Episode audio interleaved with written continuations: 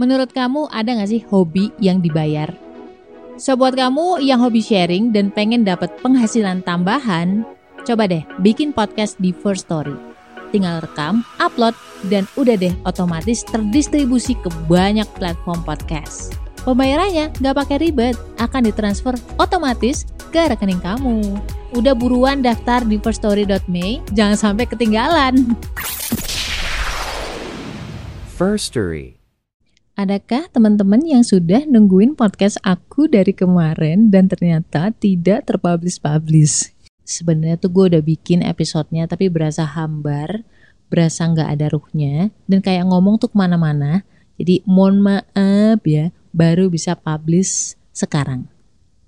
Nah ini terima kasih buat salah satu teman healing kita yang udah komen di First Story. Komennya adalah Assalamualaikum warahmatullahi wabarakatuh. Eh salah, Assalamualaikum Kak Ria. Waalaikumsalam. Minta tips, saran, dan pencerahannya gimana cara ngadepin orang yang wataknya jajing, saklek, dan sering bikin orang lain merasa bersalah. Lelah sekali rasanya batin ini ngadepin orang seperti itu setiap hari. By the way, dia atasanku. Terima kasih kak sebelumnya. Oke. Okay. Waalaikumsalam warahmatullahi wabarakatuh. Barakallah. Kamu tahu nggak keywordnya apa di sini? Hmm? Keywordnya adalah merasa bersalah atau guilty.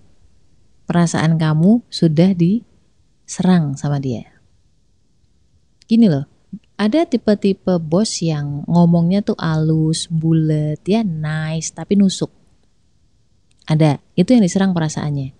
Tapi ada bos yang to the point, gamblang. Misalkan kayak gue nih, gue bukan bos sih, tapi maksudnya gue mencontohkan sesuatu yang gamblang. Ketika gue nyalain orang, gue bisa ngomong, lu tuh salah, harusnya tuh lu begini, begini, begini, begini. Kamu bisa defense, bener gak? Tapi ada bos yang kalau ngomong tuh bulet, menurut lo ya maksudnya. kalau menurut orang yang sama-sama bulet ya, gak bulet gitu. Uh, misalkan contohnya gini, ketika lo terlambat datang ke kantor, dia tuh nggak nyalain lo, tapi dia menggunakan sindiran.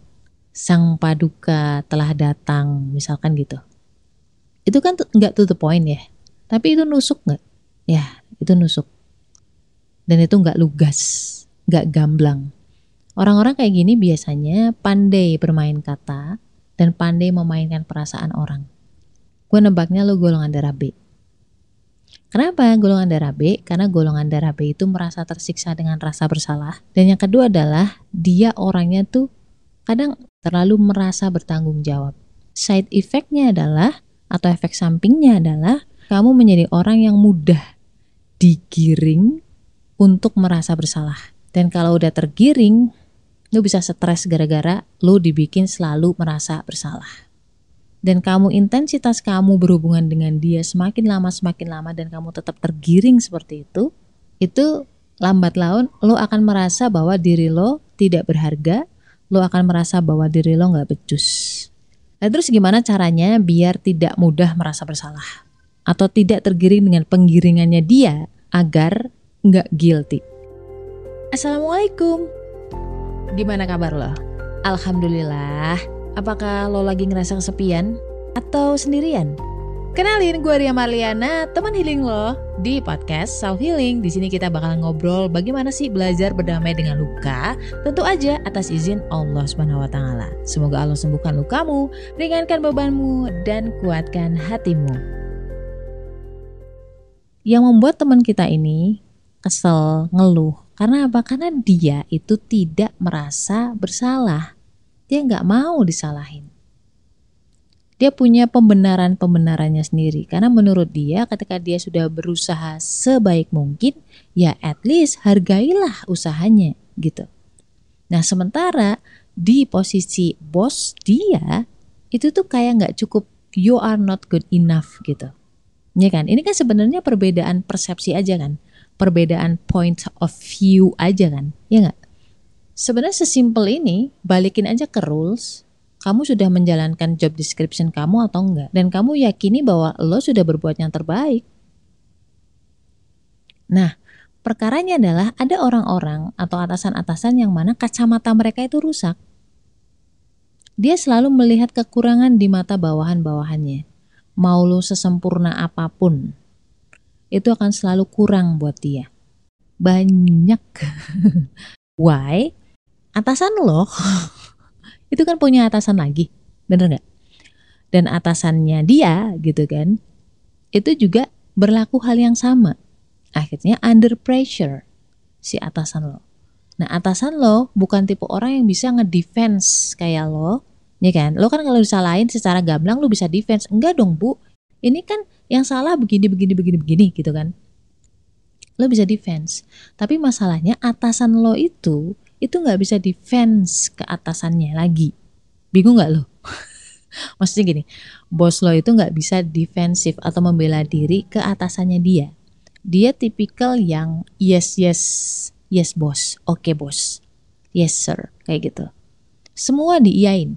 Akhirnya penyaluran pressure-nya dia itu ke bawahannya dia dan apesnya adalah lo gitu. Atau kalau dia nggak punya atasan, kadang-kadang kondisi atau keadaan yang bikin dia stres. Dalam suatu pekerjaan, tidak ada orang yang salah 100%.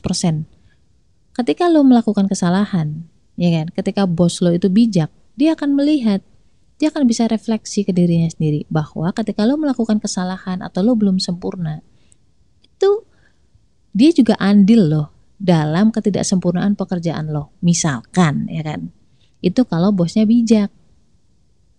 Ya sama lah kayak misalkan di rumah, anak gue nakal. Gue gak bisa dong serta merta nyalahin anak gue, dasar lu anak nakal kayak gitu. Gue harus refleksi bahwa sebenarnya kenapa dia bisa jadi nakal Kan karena mungkin aku kurang mendidik dengan benar. Nah kalau misalkan orangnya tidak tenang, jiwanya nggak tenang, nggak bisa mikir sampai ke situ.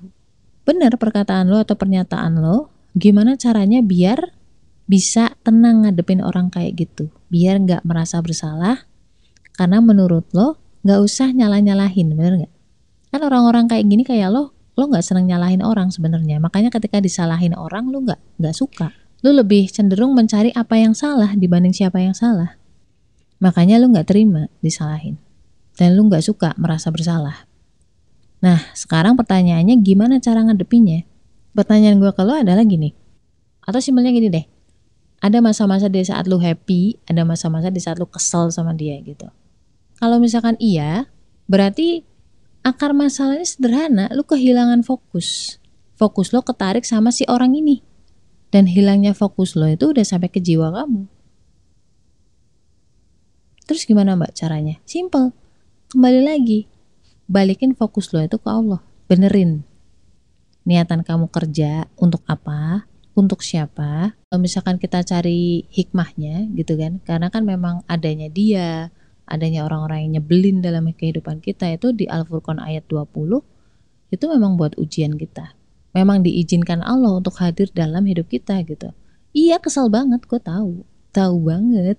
Kalau sampai kita kehilangan fokus ya kan? Fokusnya selain ke Allah. Lu mau cari orang buat curhat lu mau nanya ke siapa pun itu fokusnya belum ke Allah. Lu akan makin tersiksa aja. Seriusan?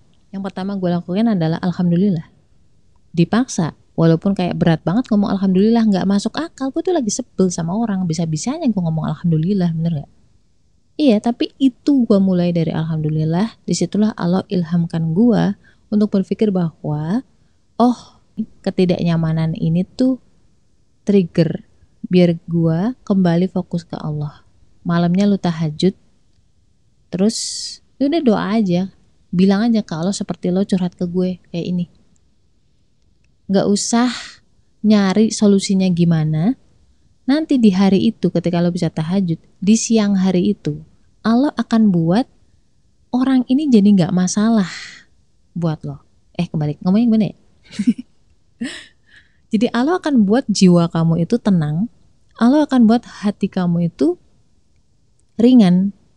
Jadi ketika dia ngapa-ngapain, dia berbuat ini itu yang sebelum-sebelumnya mungkin bikin lo kesel, bete.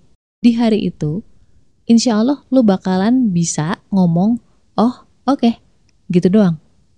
Terus lo tetap happy. Dan kita fokus ke kerjaan aja udah itu berarti jiwa kamu dibikin tenang oleh Allah. Pertolongan pertama Allah terhadap perkara lo ini adalah jiwa kamu dibikin tenang. Memahami bahwa segala sesuatu di dunia ini itu bakal lo tinggalin. Gue pernah ketika mau resign, mungkin sebulan sebelum gue official resign, ada orang kantor bikin kesel, ada orang kantor bikin senep, itu kayak ah ngapain gue pikirin? Orang mau gue tinggalin juga gitu kan.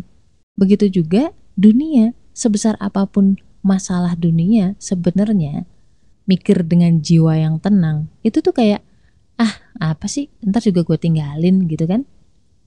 Kira-kira kayak gitulah jadi mungkin gue nggak bisa bantu banyak, mungkin omongan gue agak bulet, ya maaf ya. Semoga Allah ringankan, Allah mudahkan, dan Allah lindungi kita dari orang-orang yang dolim sama kita.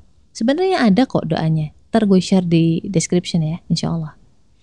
So, la haula wa la quwata illa billah. Stay love and assalamualaikum warahmatullahi wabarakatuh. Buat teman-teman yang pengen nambahin cerita gue atau pengen nanya-nanya, boleh banget klik link komen di bawah. Di bawah mana? di deskripsi box.